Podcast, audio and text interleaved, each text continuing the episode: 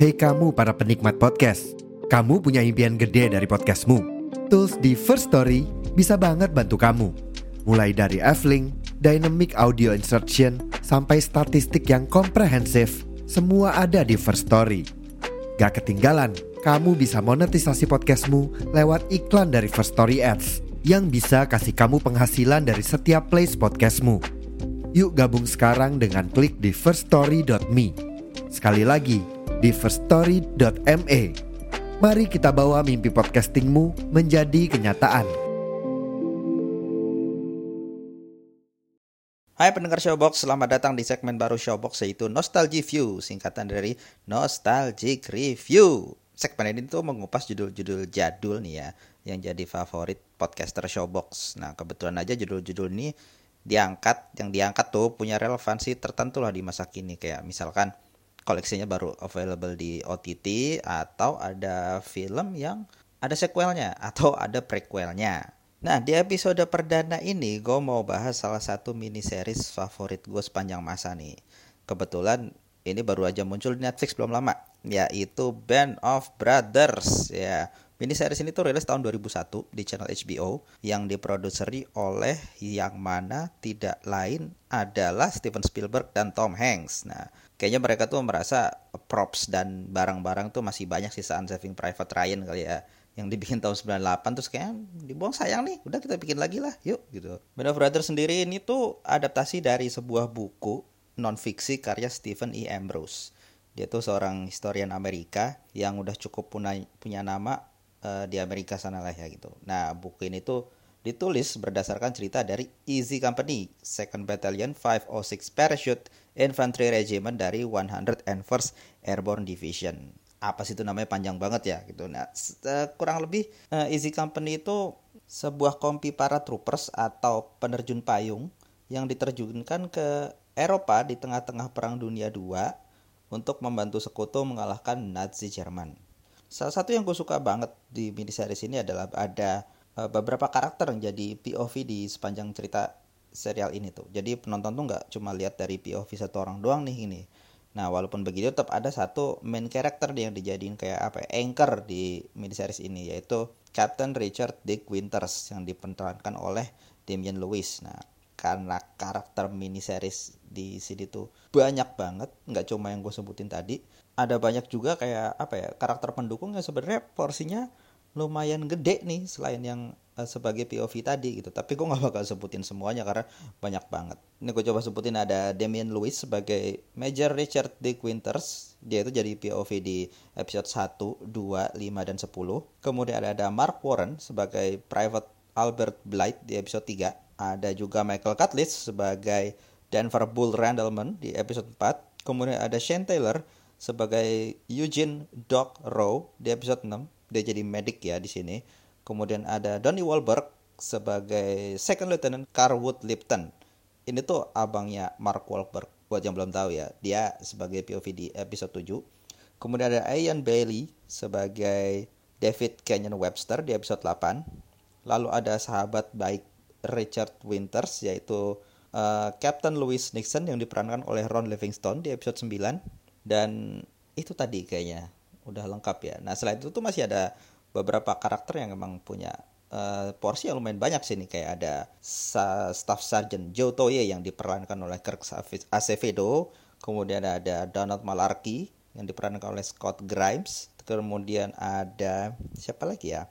Oh ada Staff Sergeant William Bill Garnier yang tadi gue udah sebut kakinya hilang gitu diperankan oleh Frank John Hughes. Dan ya masih banyak lagi lah karakter-karakter lainnya. Coba aja tonton sendiri ya gitu. Nah kalau kalian nonton dan melihat beberapa wajah familiar nih kayaknya gue pernah lihat nih siapa ya. Nggak usah kaget karena emang lucunya di sini tuh banyak karakter-karakter figuran yang justru karirnya tuh lebih wow gitu lebih lebih mentereng nih setelah dibandingkan case-case yang emang jadi main karakter di di serial ini gitu contohnya ada David Schwimmer yang kita tahu emang udah kondang duluan ya di di serial Friends ya. Dia berperan sebagai Captain Herbert Sobel gitu. Kemudian ada ajudannya yaitu Simon Peck. Ya, dia jadi uh, First Sergeant William S. Evans. Kemudian kalau kalian nih, lah kok ada Magneto nih? Ya, benar sekali. Ada Michael Fassbender sebagai Burston Christensen di sini. Kemudian ada Profesor X. Nah, ada James McAvoy nih, tapi ya sayangnya dia mati cepat di sini ya sebagai Private James W. Miller. Nah, ini mereka uh, sedikit trivia mereka pertama kali ketemu di sini dan katanya langsung akrab. Kemudian ada Colin Hanks, anaknya Tom Hanks, sedikit ne nepotisme ya. Di, di sini dia jadi main jadi Henry S. Jones gitu. Kemudian ada Jimmy Fallon juga sedikit cameo gitu. Jadi Lieutenant George C. Rice dan terakhir tuh singkat gue ada satu aktor yang lumayan favorit juga ya. Ada Tom Hardy dan dia bugil di sini sebagai Private Janovec di episode 9. Sedikit sinopsis cerita. Jadi ceritanya itu dimulai ketika tahun 1942 ketika Amerika memutuskan untuk ikut di Perang Dunia II di Eropa melawan Hitler. Uh, ketika itu Easy Company masih ada di training di Camp Tokoa. Nah, Easy Company itu dipimpin oleh Captain Herbert Sobel. Itu kapten yang galak, tegas, tapi semacam uh, rada-rada diktator ya, makanya nggak disukain sama anak buahnya. Sampai akhirnya waktu penerj penerjunan D-Day ke Prancis, dia tuh nggak dianggap nggak kompeten untuk memimpin uh, anak buahnya. Nah karena dianggap dia tuh nggak ngerti taktik dan nggak punya leadership sama anak buahnya sampai akhirnya dia dikudeta. Akhirnya dia diganti oleh Lieutenant Mihan. Sayangnya si Lieutenant Mihan ini meninggal, tewas karena pesawatnya ketembak waktu lagi terbang di atas uh, langit Prancis. Nah, Easy Company pun nggak ada pemimpin lagi nih. Nah, Dick Winters yang saat itu masih jadi letnan kayaknya itu akhirnya naik pimpinannya uh, akhirnya dia memimpin Easy Company. Nah, semuanya gak keberatan karena mereka uh, merasa Winters ini emang punya leadership. Jadi semuanya oke okay, gitu. Nah, bergulirlah ceritanya bagaimana Easy Company bertempur melawan Jerman di Eropa mulai dari uh, di Normandy, kemudian Operation Market Garden yang ternyata gagal total gitu. Lalu kemudian uh, pertempuran di Baston yang sangat epic gitu, di mana mereka uh, banyak uh, korban jiwa di di di Easy Company sendiri dan banyak yang kena PTSD lah di situ sampai akhirnya Easy Company uh, sampai akhirnya perang berhenti uh, sekutu menang dan Easy Company berhasil mengambil alih villa tersohor Hitler yaitu Eagle Nest di Austria.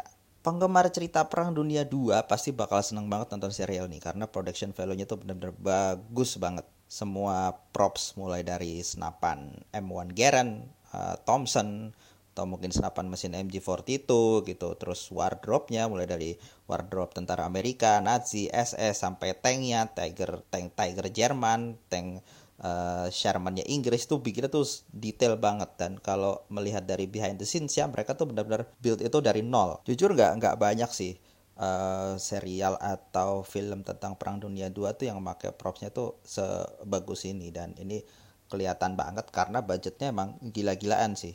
Jadi produksi serial ini tuh menghabiskan biaya sekitar 125 juta dolar. Ini salah satu yang termahal pada waktu itu sebelum era Game of Thrones ya. Uh, jadi sekitar 12,5 juta dolar per episode. Tuh.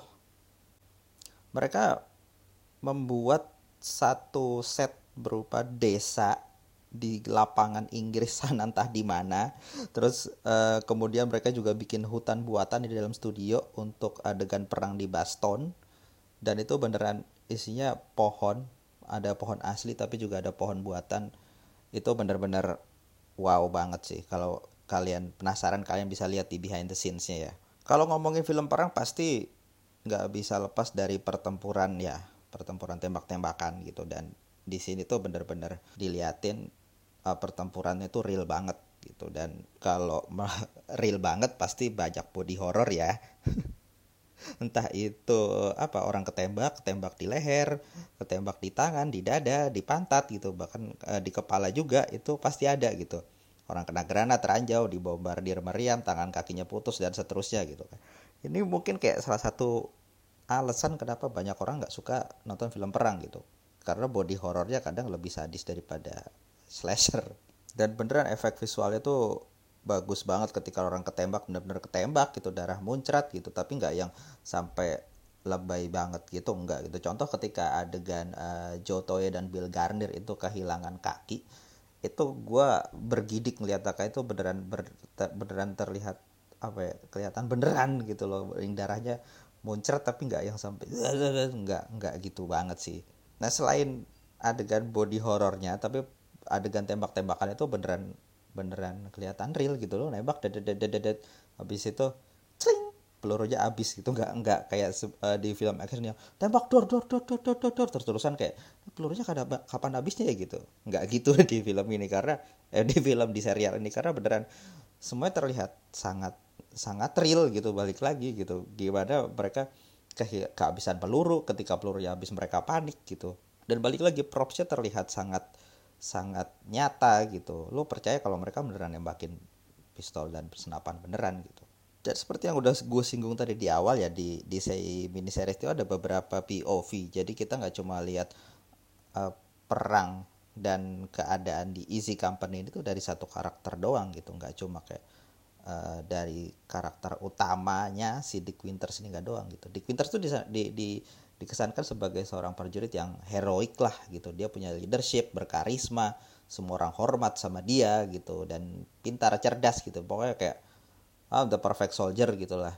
Tapi kita nggak cuma lihat dari sisi dia doang nih menariknya serunya di situ tuh kayak, kayak contohnya di episode 2 kita itu eh sorry di episode 3 kita lihat sisi lain perang itu dari seorang private blight yang dia itu takut. Dia saking takutnya dia gak, nggak sanggup bertempur dan karena saking takutnya dia itu sampai mengalami kebutaan sesaat. Karena kita tahu di di zaman itu tuh nggak semua prajurit yang ikut perang dunia itu benar-benar tentara gitu. Banyak di antara mereka itu yang relawan yang kesehariannya itu uh, bukan prajurit gitu. Banyak yang uh, apa uh, carpenter gitu tukang kayu atau pekerja toko atau apa. Mereka volunteer aja gitu jadi prajurit. Jadi banyak yang yang backgroundnya hanya orang biasa. Dan ketika diterjunkan ke medan perang belum tentu mental mereka tuh siap gitu. Dan itu di diperlihatkan di sini di seorang karakter Albert Blight ini. Atau cerita lain ketika kita lihat dari POV-nya Doc Eugene Rowe dia tuh tidak punya basic medik sama sekali. Tapi ketika dia ter diterjunkan dia mendapat tugas oke okay, lo jadi medik ya gitu. Ya mau gimana lagi gitu. Itu udah jadi harus di, di harus jadi tugas dia gitu. Dan dia tuh harus selalu sigap menolong rekannya. Di situasi apa pun nggak peduli dia lagi nggak mood nggak peduli dia lagi break break breakdown dia harus ada di situ. Kalau nggak temennya mati. Sesimpel itu dan sepenting itu tugasnya dia. Dan dia cuma sendirian di easy company.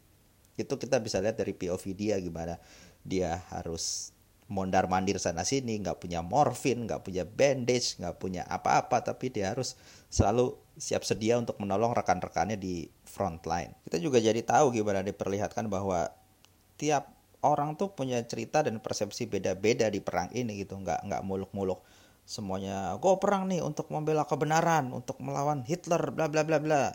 Ya ada juga sih yang seperti itu. Tapi pada kenyataannya ketika mereka udah turun di medan perang gitu uh, nggak semuanya jadi kayak gitu. Semuanya berubah gitu. Akhirnya mereka cuma kayak survive aja dari hari ke hari gitu loh. Dan the, mereka cuma kayak yang penting gue hidup yang penting hari ini gue hidup besok gue hidup gue mau keluar dari sini gitu. Di episode 7 juga kita diperlihatkan bagaimana Buck Compton jadi apa ya tanda kutip gila. Karena dia ngelihat teman-temannya terbunuh di depan matanya kemudian dia ngelihat yang gue sebutin tadi uh, Bill Garnier dan Joe Toye kehilangan salah satu kaki mereka dan itu bikin dia benar-benar breakdown sampai akhirnya dia nggak bisa bertempur dan harus balik ke station dan nggak bisa balik lagi ke front line. Tapi teman-temannya uh, rekan-rekannya di Easy Company semuanya maklum. Karena ya war is hell kalau kata dia. Jadi jadi ceritanya dia ditarik dari medan pertempuran dan diberikan kesempatan istirahat sampai keadaan psikologisnya membaik kembali. Walaupun serial ini tuh nggak mengusung tema heroisme uh, secara eksplisit ya tapi unsur-unsur itu banyak ditemukan sih tapi nggak nggak secara terang-terangan ditunjukkan gitu. Kayak misalkan bagaimana Easy Company uh, menolong tahanan uh, concentration camp yang ada di Jerman. Terus bagaimana mereka berinteraksi dengan penduduk di Belanda. Mereka disambut dengan berbagai uh, perayaan gitu. Itu sangat sangat heroik sekali gitu. Tapi bukan itu sebenarnya yang ditonjolkan di di miniseries ini ya. Uh, miniseries itu lebih banyak menceritakan bagaimana kisah prajurit-prajurit biasa gitu yang terjebak di medan perang dan bagaimana hubungan dan brotherhood akhirnya yang terjalin di antara mereka selama itu. Gimana mereka senasib dan sepenanggungan bagaimana akhirnya mereka menjadi keluarga selama uh, berapa tahun ya? Empat tahun atau tiga tahun berada di medan perang. Itu kayak live up to his name lah jadi kayak beneran band of brothers balik lagi ke ngomongin karakter ya karena jujur gue belum pernah menemukan serial lain dengan karakter uh, sebanyak ini gitu. Dan dan tiap karakter itu aktingnya bagus banget aktor-aktornya dan beneran beneran uh, apa ya tertanam di pikiran gua gitu loh. Bahkan karakter yang cuma muncul nongol sekelabatan gitu atau nggak nggak banyak nggak banyak dibahas gitu. Tapi gue bisa bisa care sama sama mereka gitu. Contohnya ketika ada di episode 6 itu ada karakter namanya Max sama Penkala itu bahkan gue nggak inget siapa gitu. Tapi ketika mereka mati gitu mereka terkena ledakan itu gue kayak dia mati gitu padahal kita nggak kayak dia nggak jadi POV di, di di salah satu episode tapi mereka ada aja gitu nongol gitu selalu ada interaksi. Ah, itu ada simak ada si kalah mereka bercanda-bercanda gitu ketika mereka mati lah mati simak yang mau kalah gitu kayak berasa berasa sedih gitu. Atau ketika contohnya ketika Tom Hardy gitu dia ya, dia uh, berperan sebagai private Janovek gitu di episode 9 kalau nggak salah muncul. Itu baru muncul di di situ doang. Ketika dia muncul kita di, di, di diperkenalkan oh iya gitu. Tapi cuma sekelebat aja kita tahu. Tapi kita tahu ininya dia. Apa uh, perangainya sifatnya oh senang bercanda gini gini gini. Kemudian lah mati tabrakan. Itu kayak lah kok mati sih gitu.